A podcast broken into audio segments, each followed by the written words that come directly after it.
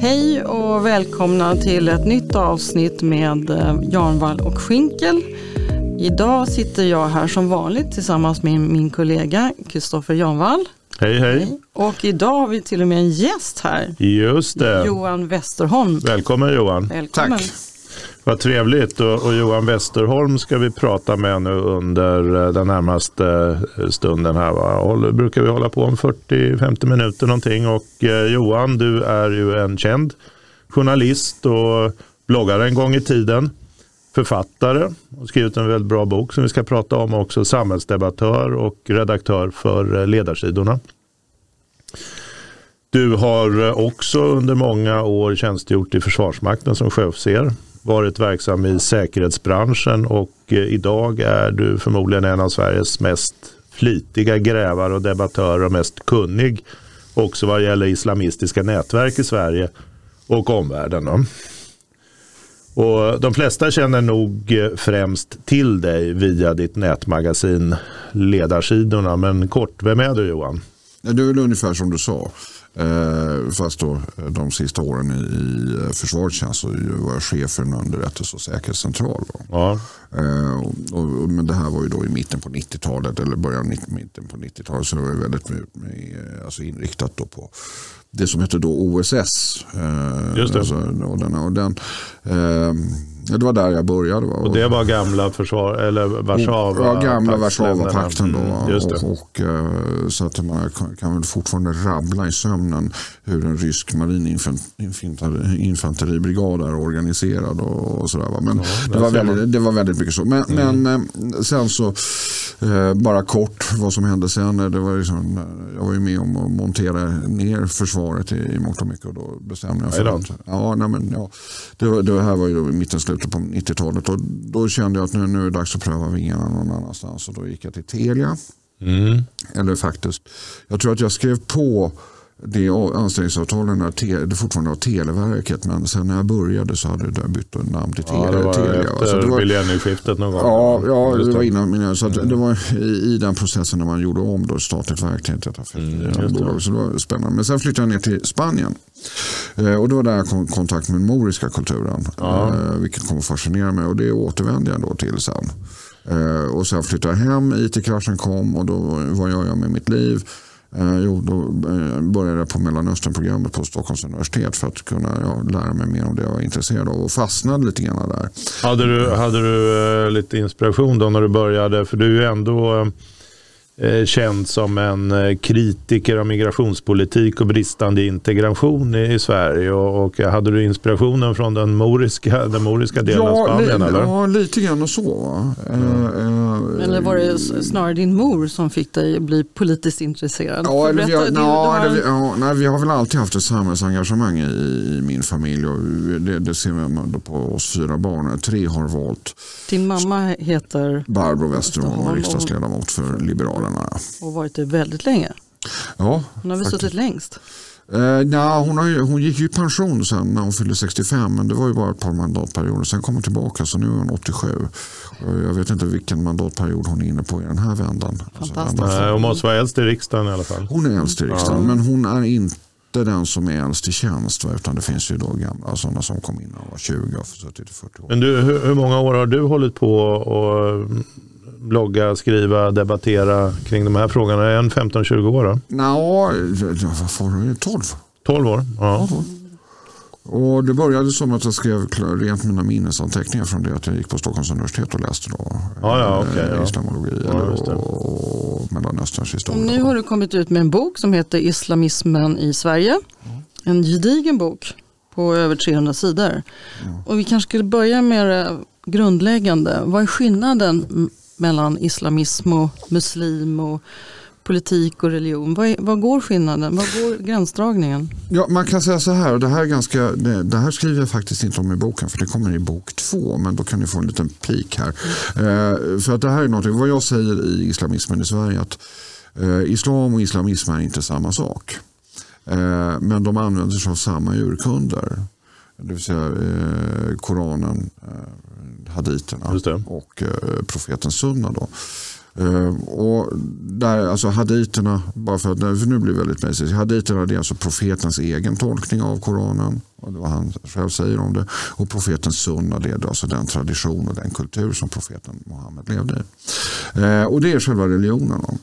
Uh, men islamism, det är själva alltså, politiken, den politiska tillämpningen. Men med den skillnaden att i islamismen har man gjort vissa tillägg. Man har lagt till nazismen, man har lagt till marxismen. Eh, så men inte uttalat? Nej, inte uttalat. Men, men i islamismens urkunder, som man då, alltså, eller omtolkningar, då, så finns ju då marxismen och nazismen med som eh, alltså, eh, tolkningsraster av Koranen. Då. Och det här ser vi då redan då på, på eh, Eh, 1928 när, när Muslimska brödraskapet bildas då först som en social rörelse utan religiös ideologisk eh, inriktning. Eh, och sen då på 30-talet hur, hur då eh, stormuftin i Jerusalem, El Haj, han eh, möter, eh, alltså får kontakt med tyska nazistpartiet. De inleder ett samarbete som sen då under andra världskriget resulterar bland annat i SS-divisionen Hanschar på Balkan som då del av SS, eh, alltså förintelsemaskineriet. Just det, just det. Eh, sen efter andra världskriget så, så eh, ur askan ur, efter andra världskriget så, så reser sig då en av de här krafterna och överlevt och det är Muslimska brödraskapet. Men, eh, men, ja. men, men, när är man muslim och när är man islamist? När du är islamist, det är när du gör den här politiska uttolkningen tillsammans, alltså med, som Muslimska brödraskapet gör till exempel. Och när du lägger då eh, ett marxistiskt eller nazistiskt raster eh, ovanpå när du gör politik. Och när gör man det? Om, om, om en kvinna som har slöja, är hon islamist eller är hon inte, nöd, inte nödvändigtvis är hon Nej. islamist. Men om du tvingar någon att, att sätta på sig en slöja, så där går gränsen? Man kan, man kan, ja, så kan man säga. För att Muslimska brödraskapet, jag redogör det för det i boken, att de har ju alltså gjort eh, sina korantolkningar då naturligtvis och säger att alltså, eh, slöja är, är, är tvingande. Eh, man har gjort alltså långa, långa utredningar på det. Och eh, Eh, ägnat mycket tid åt. Ursäkta mig. Ja. Eh. Berätta, nu förstod jag inte riktigt. Alltså, du säger att det är tvingande. Att det är tvingande. Prosit Johan. Ja, förlåt. Prosit. Ja, det, det, är tvingande. Ja, alltså, Muslimska brödraskapet enligt deras tolkningar så är det tvingande. Ja. Eh, att, man, att kvinnor ska alltså, bära slöja? Ja, alltså ja. kvinnor i, i, i könsmogen ålder. Eh, det vill säga från 12 år och uppåt. Då egentligen. Och det säger man och det är ju ett sätt för att då, då, från och med 12 års ålder så är det alltså kvinnans skyldighet att kontrollera mannens sexualitet. Mm. Så det är kontroversiellt att bära slöja med andra ord? Det är kontroversiellt mm. att bära slöja och det är då den tolkningen som, som Muslimska du, du, sa, eh, du sa att det är kvinnans skyldighet att kontrollera mannens sexualitet. Yep. Och, och, det är, eh, kan du utveckla det? Nej, men alltså att genom mannen att, ska inte frestas alltså? Mannen ska inte så. frestas. Så att ja. då är det alltså kvinnans skyldighet att skyla sig. Men mannen är ett djur då med andra ord? Ja, mer eller mindre. Mm. Men det är också, där står det väldigt tydligt mannens ställning. Det är ju det att man säger i, i de här utredningarna, långa, långa utredningar och avhandlingar så, så, så går man igenom att mannen och kvinnan är lika inför Gud men de har bara olika roller. Va? Och mm. det är det att men kvinnan ska då ta hand om familj och så här har vi ju då direkta paralleller med nazismens syn på man och kvinna. Eh, föda barn, ta hand om familj. Men hon är så eh, laddad av känslor så att hon kan inte tänka klart. Och det är därför hon alltid behöver en man som tar då de avgörande besluten. Mm. Det är ganska praktiskt om man är man mm. i alla fall. Eller? Ja, det, det, det, det, det, det väl. Nej, men, men och, och, det, här, det här finns eh, alltså, långa utredningar som sagt. Och jag har läst dem alla, vågar påstå. Anser du att svenska politiker har koll på den här gränsdragningen? Förstår Nej. de? Nej. Nej. Vill de inte eller kan de inte? Eh, det här är, man kan säga så här, nu har jag hållit på med det här sedan 2006 mer eller mindre. Ska jag då sen räkna in mina, mina år nere på Iberiska halvön så blir det fler år än så. Eh, och, ett allmänt intresse. Men säg, säg 2006 håller jag på med och det har tagit mig då någonstans runt 14 år att landa i, i den här boken. Eh, jag har eh, Eh, genomfört en rad med, med, med djupintervjuer, långa samtal med skriftlärda. Bland annat eh, Imamskolan i Rabat som är världens största, nej inte, det är Nordafrikas största imamutbildning. Vi ska komma till det. Mm. Eh, och, och haft nu de senaste tre veckorna så har jag jobbat ganska hårt med att hitta en definition på islamism som, som även skriftlärda kan enas om. Och den här, alltså det här vad, vad vi säger nu, och det, tyvärr inte i boken så tydlig som jag säger nu. Men eh, skillnaden mellan islam och islamism är att islam det, den är ren eh, så tillvida att alltså, eh, den hänvisar bara till Koranen, haditerna och profetens sunna. Islamism är smutsig så tillvida det att man lägger till nazismen, mm. det gjorde man på 30-talet, och man lägger till, till eh, marxismen mm. och det gör man då på 60-talet. Eh, så den blir smutsig. Mm. Och mm nu kommer tricket här som jag håller på att prata med dem om. Eh, som jag faktiskt har fått ett stöd för. Att islamism är rent tekniskt enligt eh, de, de rättslärare som finns haram. För då har man smutsat ner religionen med alltså en, en... Det vill de nu inte höra talas om. Med, med politik alltså? Med politik. Man har smutsat ner mm. den med andra urkunter mm. som marxismen, som nazismen. Men det vill de inte erkänna? Eh, islamisterna vill nog inte erkänna det här. Mm. Eh, men jag kan säga så här, de renrasiga, alltså inte renrasiga, det, det är fel att säga. Renläriga. Renläriga eh, salafisterna, mm. alltså de som är riktigt extrema, de säger Johan, du har rätt.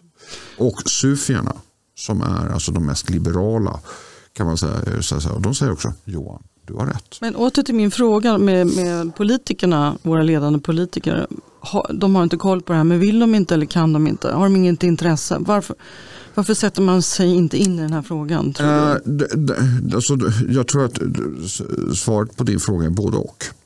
Eh, jag möter eh, dagligen nu politiker, riksdagspolitiker som har ett brinnande intresse för det här. Och jag kan säga att samtliga borgerliga riksdagsledamöter nu, om vi räknar då Liberalerna och Centerpartiet också som borgerliga partier. Det gör vi inte. Ja, inte men det, det, det, det, är upp till det. Men, men, men alltså, samtliga ledamöter eh, från Centern, Liberalerna och högerut om vi tar den skalan, har idag varsitt ex av islamismen i Sverige. Och jag kan säga dagligen svara på frågor från alla de dem. läser. De läser. Mm. Det var betryggande att höra. Litet hopp. Mm. Ja, jo, eh, och det, det vill säga det finns ett intresse.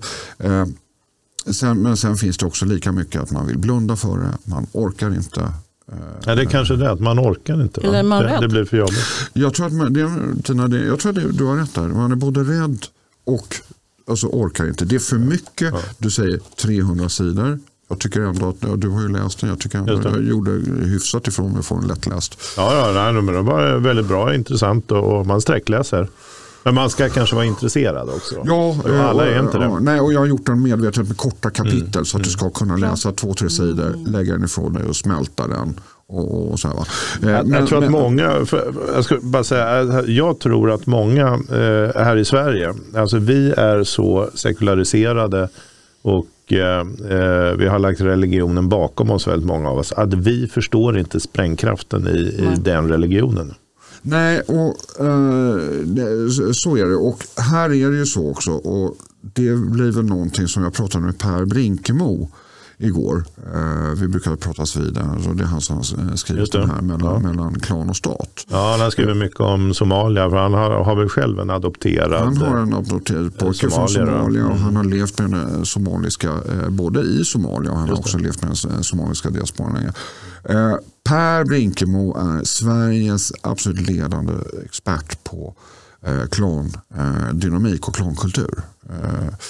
Eh, och vi pratades vid igår eh, och vi är rörande, islam, eh, rörande överens att när det gäller, och det är därför det här blir komplext, man kan inte, alltså på sikt så måste vi ha en debatt där vi liksom lägger islamism, klan och hedersvåld i samma debatt och i samma eh, problemformulering. För det de görs inte idag? Alltså. Det görs inte idag, för det, det, här är jättesvår materia. Per har närmat sig klanproblematiken och lyckats väldigt väl tycker jag.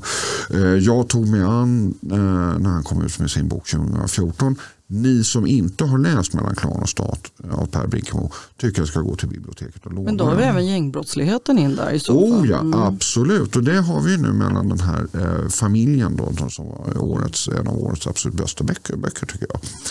Eh, och det kan man ju och, det, säga. och den familjen, det var den här Kahn-familjen i I Göteborg. Göteborg, ja. ja. Eh, och där kan man säga så här, och den Kahn-familjen, för att exemplifiera varför de här hänger ihop. För att Ali Khan, som är då familjeöverhuvud, han är också imam i en, i en moské i Angered. Mm. Det är praktiskt. Inte en av de utvisade som inte blev utvisade. Nej, nej, nej, han är inte en av dem. Men eh, Ali Khan är också svensk medborgare. Så att jag menar, det, det, är så här. Och det här är ju då eh, också ganska, han är imam, alltså, det vill säga hela den klanen, Khan-klanen, de går ju naturligtvis till hans moské. De är också eh, eh, eh, engagerade i, de är överrepresenterade som familj i en eh, alltså, organi- alltså, familjerelaterad brottslighet. Eh, så de här världarna de går ihop. Så att, och där, där har du också inslag av hederskultur i det här. Och vilka politiska partier står där i moskén och, och delar ut sina lappar? Tror du, skulle du? Ja, jag skulle vilja säga att det finns nog en överrepresentation av miljöpartister och eh, socialdemokrater jag. Och feministiskt initiativ Är av det en- alla. Är det en slump eller? Eh, ja och nej. Eh, jag beskriver eh, det hela. Eh, för nu, nu finns det då andra författare som jag gärna vill eh, lyfta fram i det här. Eh, jag säger att de här, de, här, alltså de här rörelserna, den här ideologin har etablerat sig i Sverige genom att arbeta utomparlamentariskt. Man har etablerat sig i civilsamhället för att få bidrag. Man har etablerat sig i de politiska partierna för att få inflytande. Eh, och det beskriver jag lite grann.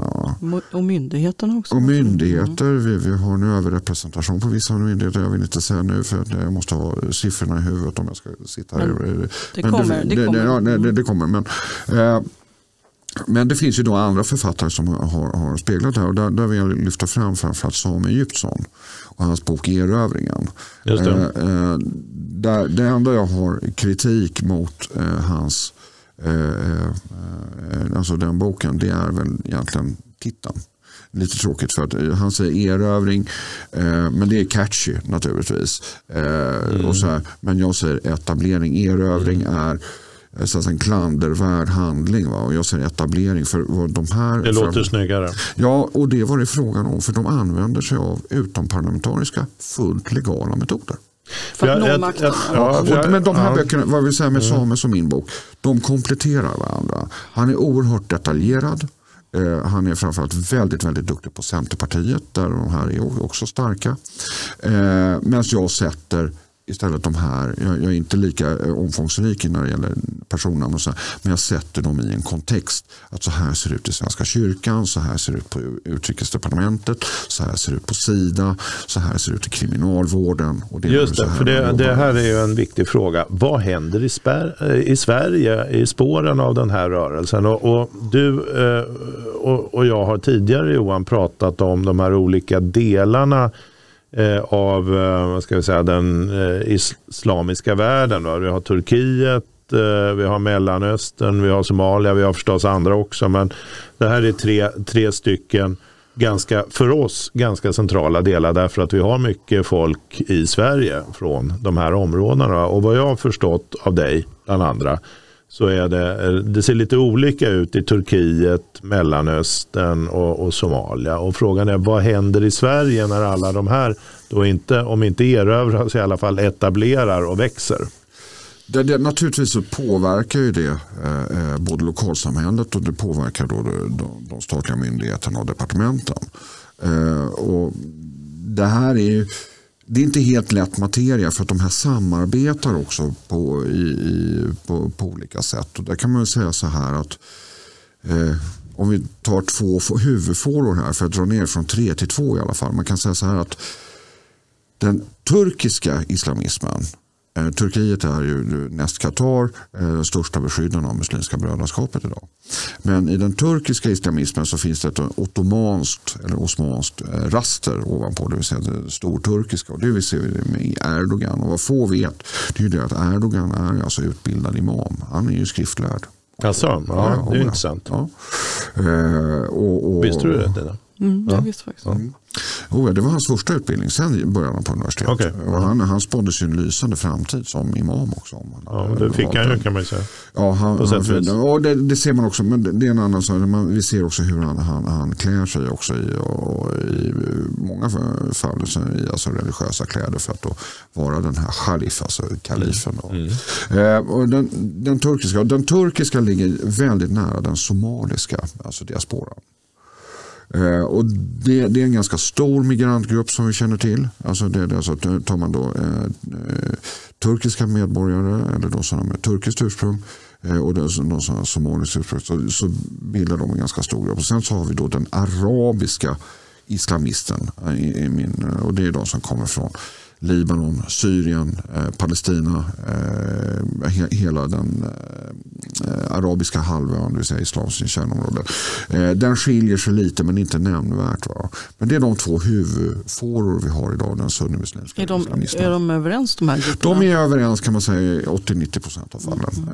Eh, skulle jag säga. Men det, det, eh, det, det finns en, så en etnisk kulturell komponent i detta. Va? Och det kan man säga, det är Turkiet, Somalia Eh, står något starkare, eh, för närvarande något starkare. Det här är en utveckling vi har sett de senaste tio åren. Egentligen, hur den har eh, blivit starkare än den rent arabisk influerade eh, islamismen och eller sunnimuslimska islamismen. Men det här blir ju väldigt starka grupper sen i en, ett demokratiskt samhälle och som då med förlov sagt är ganska naivt som, som det svenska. Det finns ju även andra. Det blir väldigt starka grupper eh, och det måste ju finnas ett stort intresse kanske inte minst från socialdemokratin då att, att eh, Vinna röster? Ja, vinna röster och, och koppla, koppla ihop sig på det. Och där har man väl försökt en del. Va? Ja, nej men, och absolut det är så, men det är för alla partier. Ja, Så, så är partier Alltså, ja, alla Mm. partier. Alltså, det tydligaste är Miljöpartiet och Socialdemokraterna. Men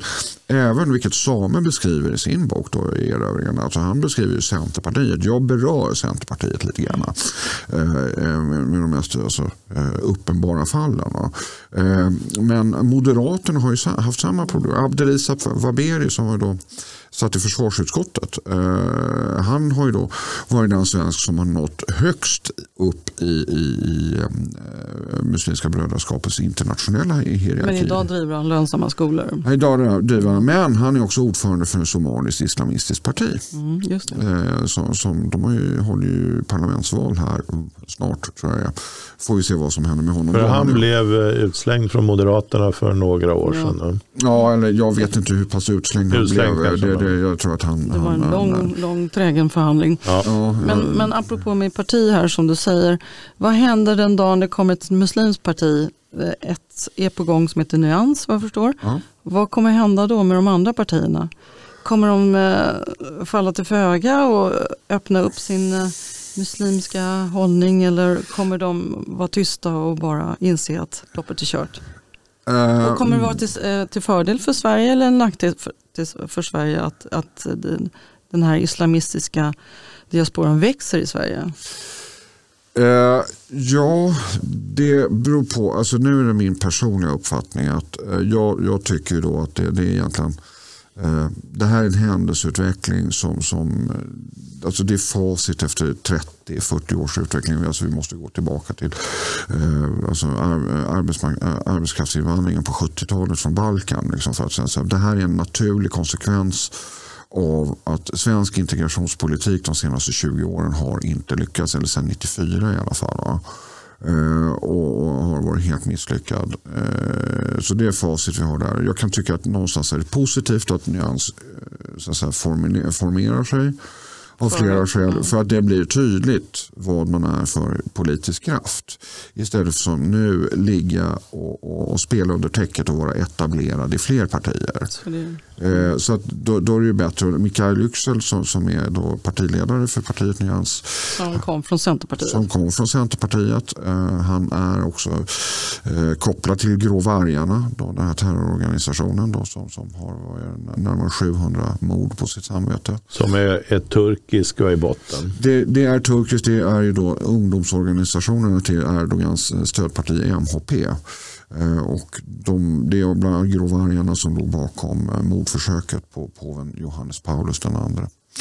Eh, så att det är, det är, it's a nasty lot. Liksom. Mm. Men, men alltså, Mikael Yüksel han har ju då eh, vitsordat faktiskt. Han har, Mikael Yüksel han, han, han blev utkastad från Centern. Mm.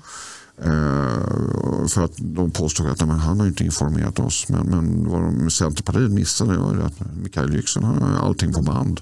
Så vad, vad, tror du om Nyans uh, möjligheter att komma in i riksdagen? 2022 uh, I, I riksdagen mer tveksamt men mm. jag är fullständigt övertygad om att uh, partiet Nyans kommer komma in i Malmö kommunfullmäktige, Göteborg kommunfullmäktige, Eh, eh, Växjö kommunfullmäktige, Örebro kommunfullmäktige, eventuellt Stockholms kommunfullmäktige. Det ser ljust ut för dem nu eftersom de har fått eh, bra klanledare eller bra imamer som ansluter sig öppet till dem. Va? När du säger bra, ur vilket alltså, perspektiv? Eller bra, alltså bra ur Mikael Yüksels perspektiv. Ja, mm. Det är hans perspektiv jag tar nu. Va? De är skickliga och duktiga i alla fall. Va? Ja, de är skickliga och duktiga. Och, och alltså, vad händer då när de kommer in i kommunfullmäktige? Skulle ja, men det kommer ju naturligtvis ha en påverkan på, på eh, hur man ser på lokala friskolor och hur man ser på föreningsbidragen, det som ligger i på kommunernas kompetensområden. Det vill säga att, att besluta om så naturligtvis kommer och eh, det är väl, jag menar, får man då som är bästa av världar, eh, ur, återigen ur Mikael Yüksels perspektiv,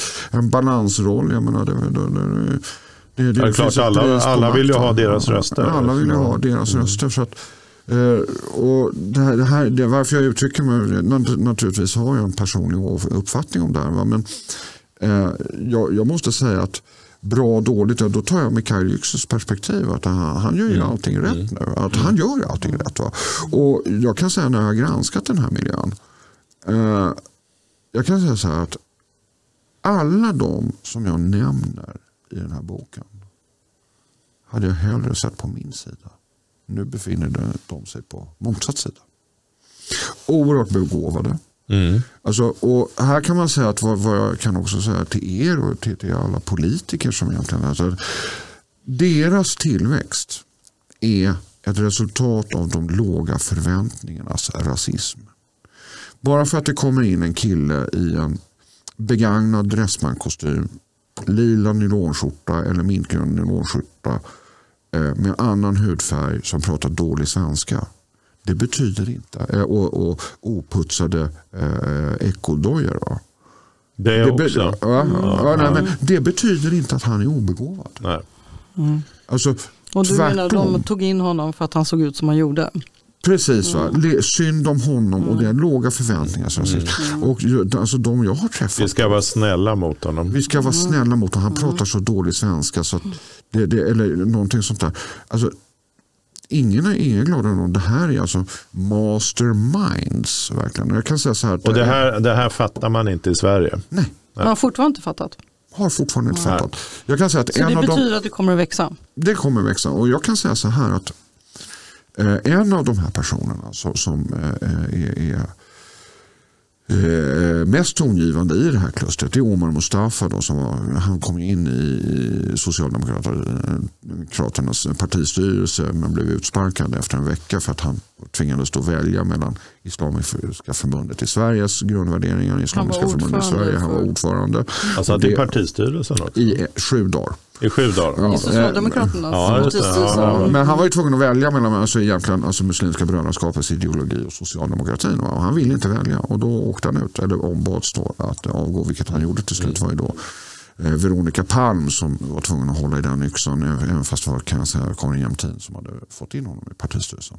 Eh, men alltså det, Omar Mustafa som är då, eh, har varit ordförande för i det här klustret. Han är också vice ordförande för Islamic Relief som är, är aktuellt i media idag. Det är nog den mest begåvade människa jag någonsin har eh, stött på. Eh, strategiskt och taktiskt, mm. retoriskt. Mm. Oerhört begåvad. Och det är också det här låga förväntningarna. Mm. Rasism. Jag inte, går inte Så de har aldrig sett dem som ett hot? Egentligen, nej, inte som ett, nej, nej, nej. Eh, och framförallt så har man nu pratar han väldigt bra svenska, väldigt bra. Va? Men vad, vad, vad, vad, som är här, och det är den här låga förväntningarnas rasism. Det är inte så att jag går omkring och är rädd för Omar Mustafa varje Nej. dag. Det är inte heller så att jag går... Men hans politik kan man vara rädd för. Ja, hans mm. politik som de driver de här organisationerna. Den kan man vara, rädd för. Men jag går inte ur den. För den dagen jag är rädd för honom eller den dagen jag alltså går och ser ner på honom. Ja, då är jag tvåa på bollen. För det är precis det han vill. Han vill att antingen ska jag vara rädd för honom eller också ska jag se ner på honom.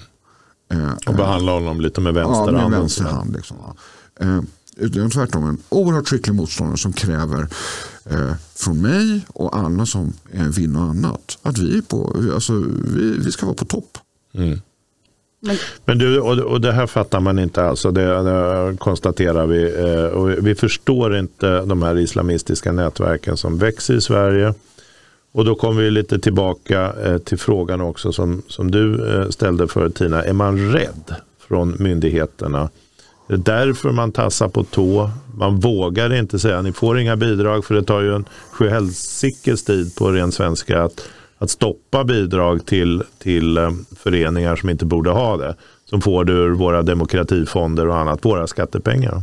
Det, det krävs två, tre utredningar innan eventuellt något händer. Ja, nej men alltså det, det är klart att det blir ett herrans liv när inte de här får... får eh, alltså nu, nu, och det är obehagligt. Ja, det är obehagligt ja. när någon blir arg. Alltså, svenskarna är väldigt, väldigt konflikträdda. Mm. De eh, blir väl kanske inte bara arga?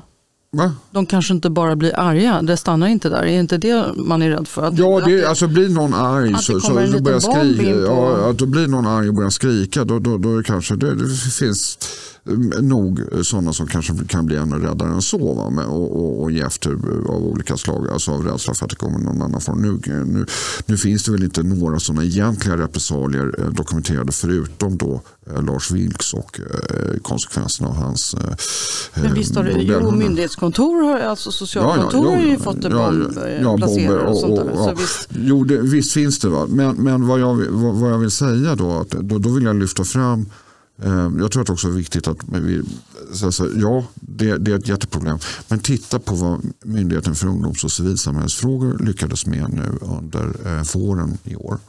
Och då fick man alltså en prejudicerande dom på att dra in eh, Sveriges unga muslimers statsbidrag. Mm. Alltså med, med för att det, det man mm. kunde påvisa. Gjorde de det? Ja.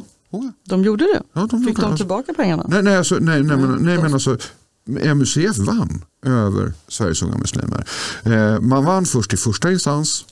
Fel. Sveriges unga muslimer vann i första instans i förvaltningsdomstolen att MUCF hade då inte rätt att dra in eh, och MUCF ska vi säga betyder? Myndigheten för ungdoms och civilsamhällsfrågor. Va? Det är de som står för bistånd. Ja, ja eller till, till bidrag till, till, många av de här organisationerna. Eh, och, eh, Sveriges unga muslimer var ju väldigt glada över att de vann men nu, då var det alltså en tuff chefsjurist på MUCF som jag vars namn jag inte har.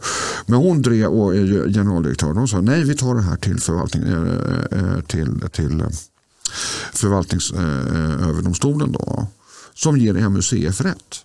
Att, nej, och att Sveriges unga muslimer ska dessutom betala tillbaka 1,7 miljoner. Tror du de har gjort det? Nej, vänta. Ja. ja. Och sen så i april i år och skälet till det var ju att de ansåg att det inte var ett demokratiskt... Eh, uppfyllde inte mm, demokratikriterierna. Mm, och sen i april i år så, så kommer avgörandet då i eh, Högsta förvaltningsdomstolen som inte tar upp ärendet utan bara säger det gäller. Det, det Men gäller. apropå det så är ju faktiskt just den här frågan om demokrativillkor under utredning i, i, i regeringen. Har regeringen tillsatt en sån utredning för att det, det har framkom, det, ursprunget till det är att det var diskussioner kring Ibn Rushd bland annat och andra förbund för att de hade fått så mycket bidrag som många ansåg var helt fel. Men vad anser du om den utredningen? Känns inte den lite Ja, då, då tror jag vi ska lägga korten rätt här. Va? För att det, det finns ju då, i, I grunden så finns det två utredningar. Den, ena, den första levererades 2018 och den handlade då om statens stöd till trossamfund. Eh, en demokratiutredning. Och den författades av då Ulf Bjäreld, tidigare ordförande för eh, Socialdemokrater ja. för trosolidaritet. Eller den, så säga, de gamla broderskaparna. Gamla broderskaparna och hela det där gänget. Brukar jag säga. Han har det, definitivt inte läst din bok. Eh, det har han nog gjort numera, men Ja. han är nog inte glad för att han ingår i det här, eller inte han, men Tro och Solidaritet ingår i det gäng som jag brukar kalla för the usual suspects. De dyker alltid upp på fel ställen. Ja. Eh, eh, och den levereras då och den blev ju då eh, och sen så kom den utredning till och den är aktuell nu och den är då den Samma heter, ämne? Ja, De ja två- men det, det är ju då för civilsamhället då. Det här var första för trossamfunden. Sen kommer ett för civilsamhället, demokratikriterier för civilsamhället. Den heter SOU 2019 35. SOU alltså. Mm. Ja, Sveriges offentliga utredningar.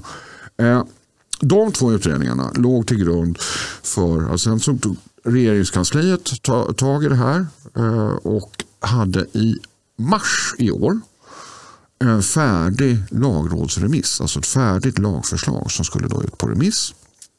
Och eh, eh, i då regeringens religiös politiska råd.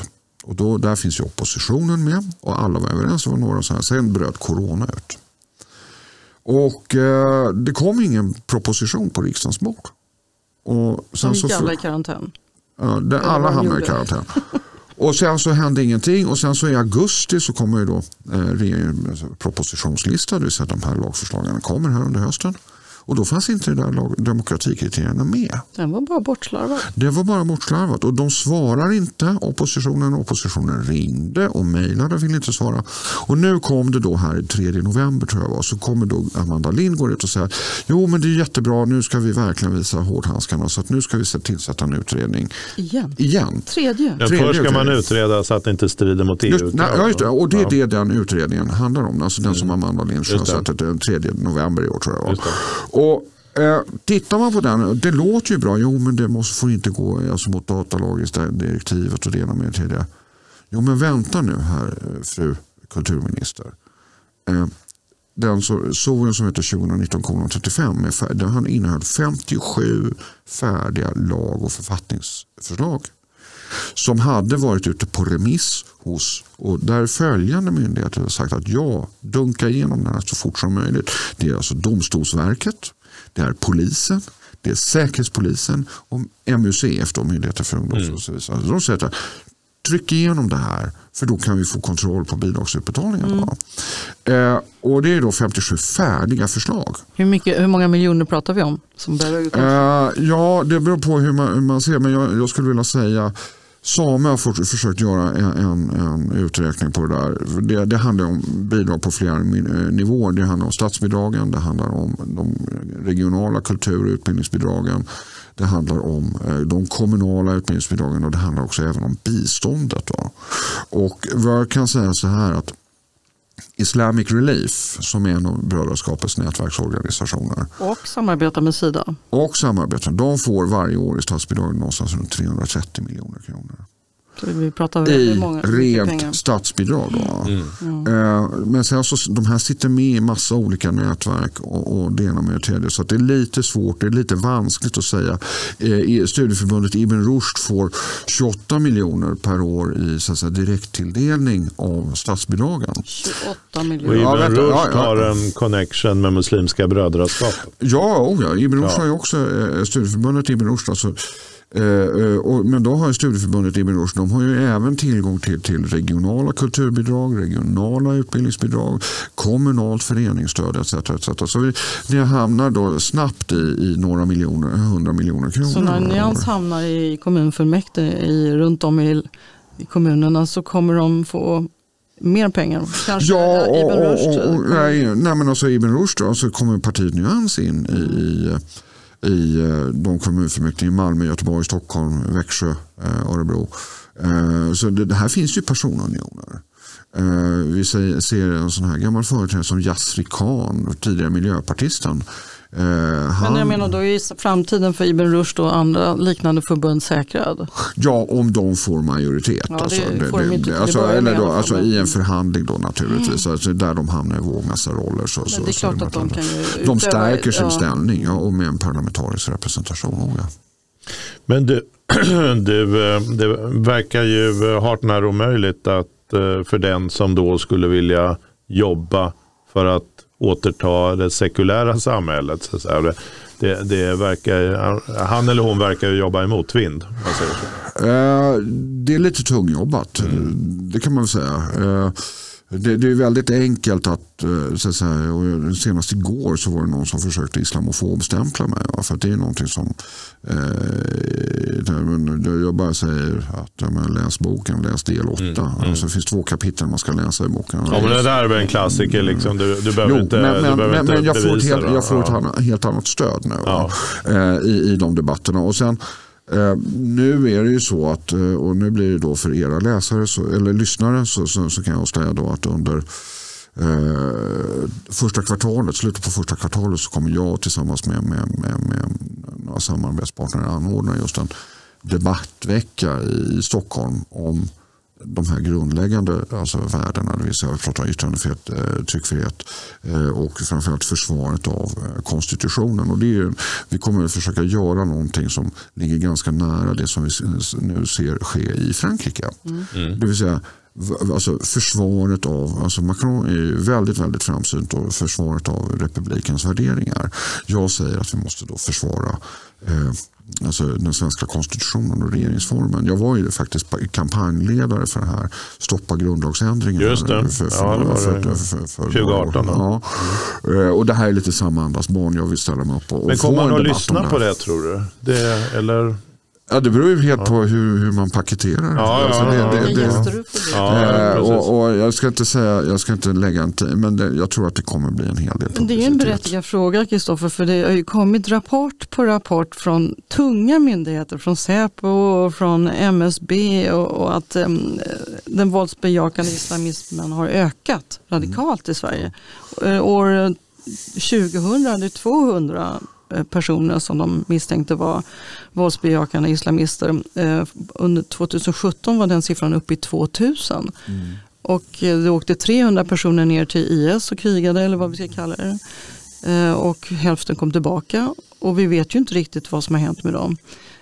Jag, jag är så förvånad att med den historiken så händer så lite.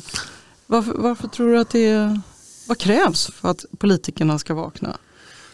Krävs det någon sån fruktansvärda dåd som i Frankrike? Ja, tyvärr är, är det, väl det. In, innan de... Eh, men vi hade ju det på Drottninggatan.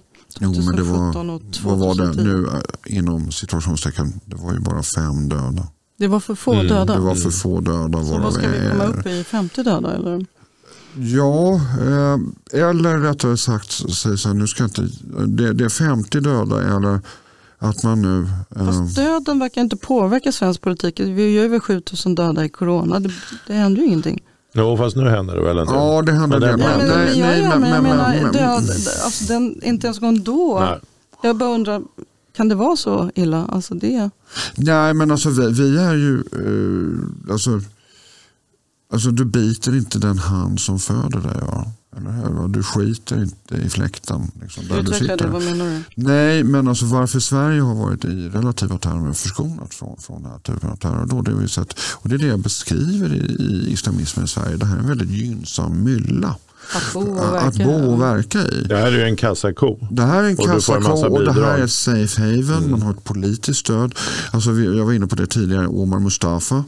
Eh, då, alltså helt plötsligt så 2017 tror jag så dyker han upp som inbäddad i en, eh, i en handelsdelegation till Azerbajdzjan. Mm. Alltså, och då representerar han Ibn Rushd som är en del av Muslimska brödraskapet. Mm. Alltså det var något så här helsnurrigt. Jag reagerade verkligen eh, på det. Och det, var, det var, eh, Men ur säkerhetssynpunkt så är det ju vettigt att inte dra in bidragen till de här förbunden i så fall. För att hålla dem sig lugna. Ja, eh, ja men ska du dö med stövlarna på eller av? Va? Eh, alltså jag vill inte förknippas. Alltså Sverige börjar eh, så säga, närma sig. Nu talar officerarna, ja, Johan ja, Westerholm. Ja, nu, alltså Sverige börjar nu, enligt min uppfattning, närma sig statusen som shithole country i Europa. Mm. Eh, det är allmänt känt. Alltså, i, Och det innebär i det här fallet? Inte något positivt. Nej, det, det, det, nej, det, det, är så mycket förstod jag. Nej, men det, det är det att det, finns en medvetenhet, mm. eh, framförallt i, i Frankrike, eller då franska inrikesministeriet och även tyska inrikesministeriet numera, att Sverige är lite grann en grogrund för den här typen av rörelser. Och det. det är inte positivt. Uh, och jag, jag vill ju inte se en fortsatt utveckling i, det här. Så naturligtvis så kommer ju, alltså ju mer vi, vi stryper bidragen, ju mer vi, vi eh, sätter press på de här personerna kan man ju då räkna med två eh, två händelseutvecklingar. det ena är att de sätter upp ett motstånd. Mm. Alltså, eh, och det gör de redan idag. Det är därför ja, det är 2000 nej, men, ja, nej, men det, Ja, men det är ju också, alltså, de sätter upp ett administrativt motstånd. Att de motsätter sig eh, de motsätter sig de här parlamentariska förändringarna, alltså de här konstitutionella förändringarna som i de här utredningarna som vi har sett. Eh, och nu ser vi hur Amanda Lind eh, har lyckats få Stefan Löfven med, med sig för att försena hela det här lagstiftningspaketet i minst två år. Eh, det är ett sätt att, så att säga, eh, bjuda motstånd. Va? Eh, sen kommer det säkert annat form av motstånd. Eller också så gör man en taktikanpassare och flyttar på sig till ett annat land. Mm. Någonstans där man har bättre förutsättningar. Finns det något bättre land än Sverige? I dagsläget så finns det inget bättre Nej. land än Sverige. Det, det, här, och vi har en helt annan debatt i Norge. Islamismen i Sverige den finns alltså ute på norska också. Fått ett visst genomslag där. Och där har man en helt annat motstånd, helt annat klimat. För att inte tala om i Danmark. Eh, så, som, som, eh, ja, men framförallt Danmark. Eh, för de ligger ett närmare kontinenten. De har en motsvarande historia med Jyllandsposten som vi har med Lars Vilks. De har, de har bemött det på ett helt annat sätt. De har satt ner foten eh, och verkligen markerat eh, mot det här. Och, du, och du, de här människorna som vi pratar om, islamisterna, nu, de, de, lyssnar man på, på terrorforskaren Magnus Norell mm. så eh, konstaterar han Eh, vid något tillfälle, jag hörde på honom att det är väldigt svårt om inte omöjligt att avradikalisera de här människorna. De, eh, det, det finns inget incitament för dem att, att uh, göra av, falla av så att säga, från sin ideologi. Jag ger både Magnus rätt och fel där. Av den enkla anledningen att till att börja med som precis som Per Brinkemo. Han sa väl inte helt omöjligt men Nej. väldigt svårt. Ja, ja det, det, där kan jag vara överens. Väldigt svårt. Det kräver, ska, du, det går att lyckas om du har tålamod. För du har två du har den här klankomponenten i det här också. Eh, som spelar in. Då. För att är det så att du lämnar en klan Eh, det beskriver Per Brinkemo oerhört utförligt. Och en annan författare som också är duktig på det här det är Bengt G Nilsson. Han är alltså Sveriges ledande ja, journalist som kan Afrika bra.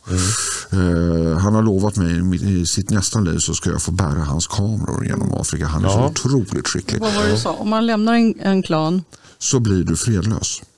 Det är som att lämna Jehovas vittne. Ja, ja. Men där är, jag, alltså, där är jag fredlös på riktigt. Men mm. alltså, där har ditt liv inget värde. Va? Okay. För du har ingen skydd.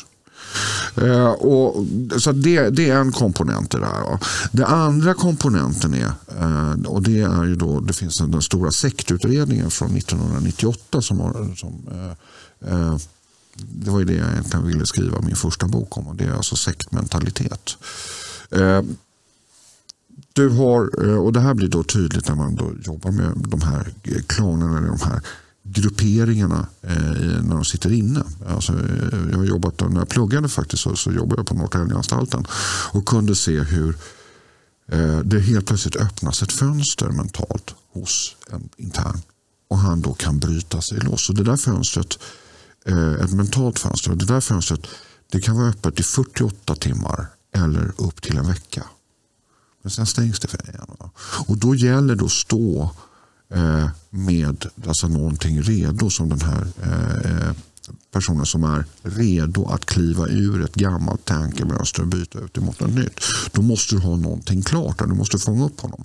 Och Det här visar ju då de få europeiska studier som, som, som, finns.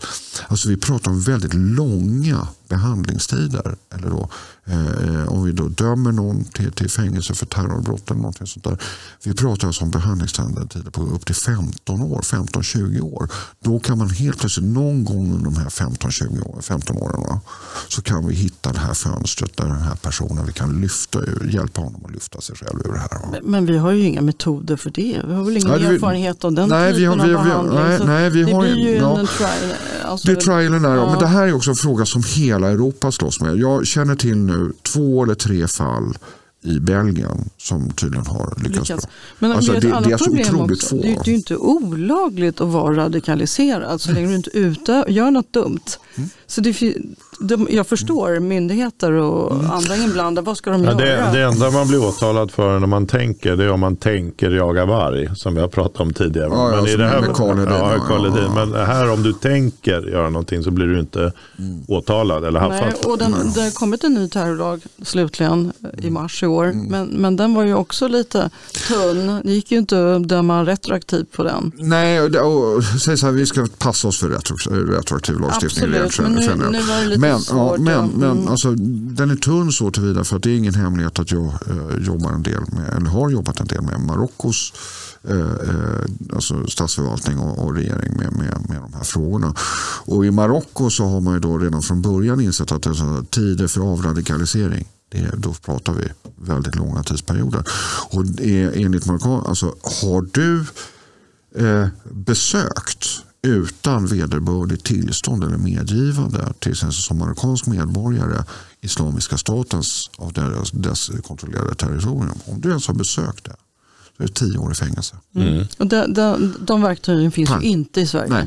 Nej. Eh, och det här är ju då eh, eh, ett mycket, och det är så när jag pratar med, Men med, med, hade ju vänta, den. ja, ja, men Ja. när jag pratar med eh, företrädare för marockanska säkerhetstjänsten så de bara garvar och sen, så, ja, och sen så tar vi in dem och så langar vi in dem i tio år så har vi gott om tid på oss att utreda övriga brott och alltid hittar vi något. Att Ja, de har ja, varit ja. där nere i något annat fuffens som gör att de får påspänning. Och framförallt då har en lång utmätningstid som gör att man då, då, då kan sätta in de här. För det ska vi veta att de här länderna, framförallt Marocko, vi har en överrepresentation och det är med Marockos egen historia då med, med, etniska konflikter.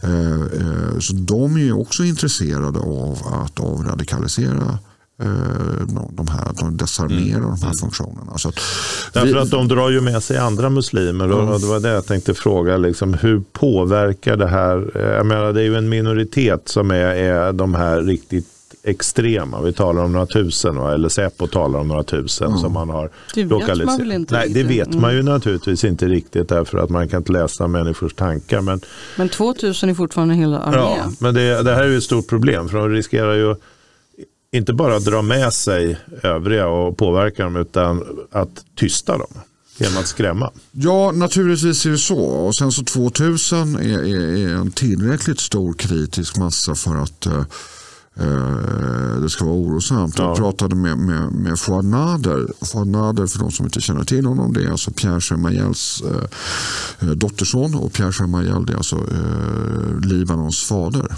Alltså Fouad Nader, eh, krigshjälte då från inbördeskriget och en ja, vän, numera vän till mig. Och, eh, men han, de har ju ett jättestort problem med syriska flyktingar, i, i, framförallt sunnimuslimer i Libanon.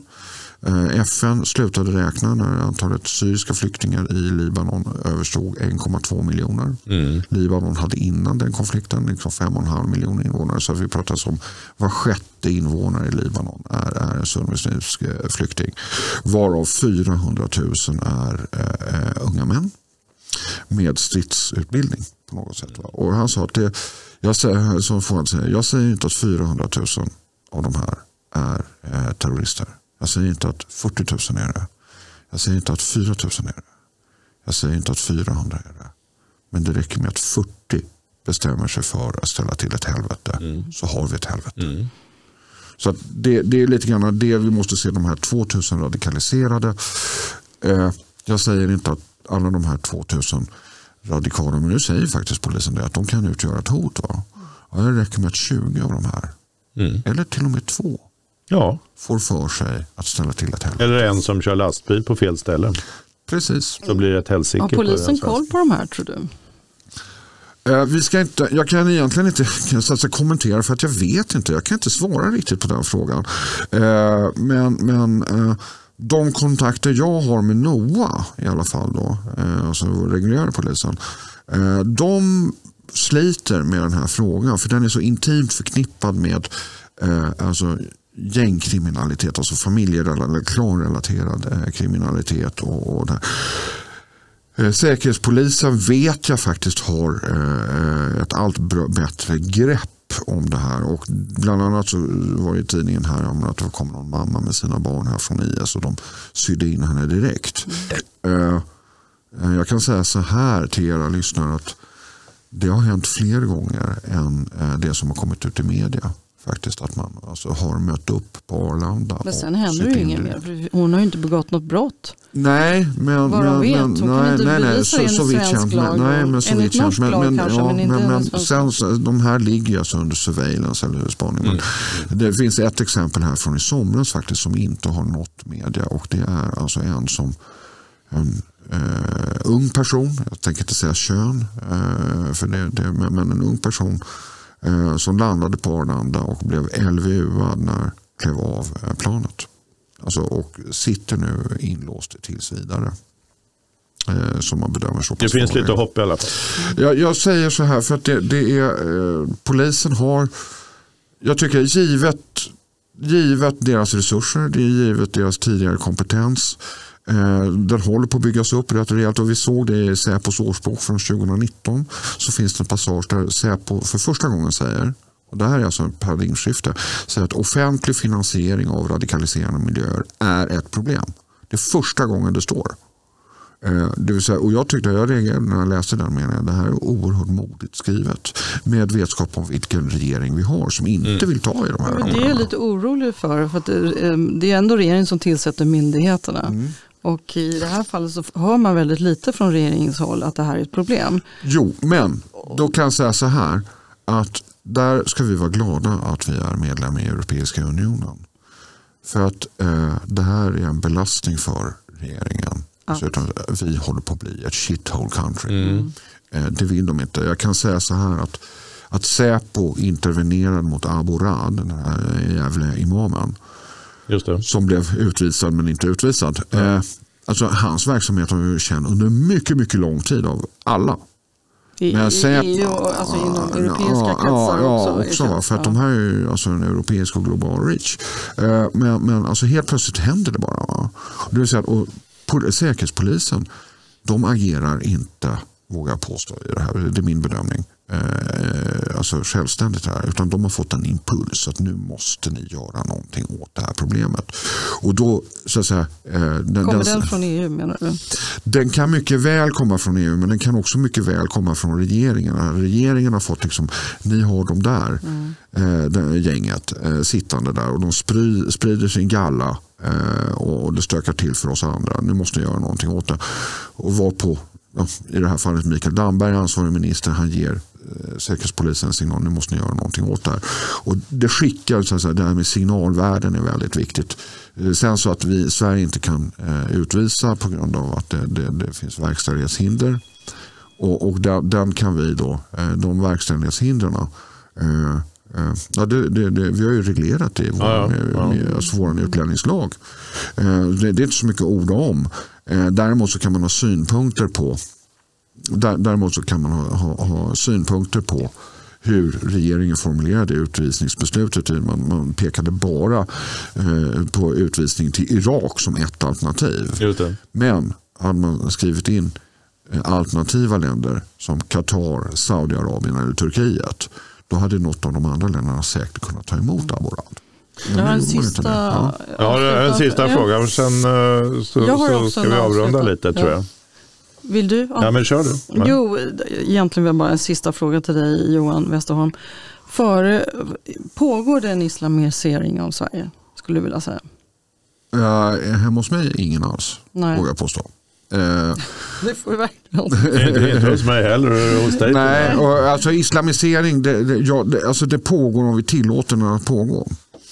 Där, där vi på, tillåter den att pågå, där pågår den, ja. Men där vi inte tillåter, alltså det finns ju enklaver i Sverige, i Trollhättan, ta ett exempel. På, titta på Järvafältet här, bara mm. några stenkast längre bort här.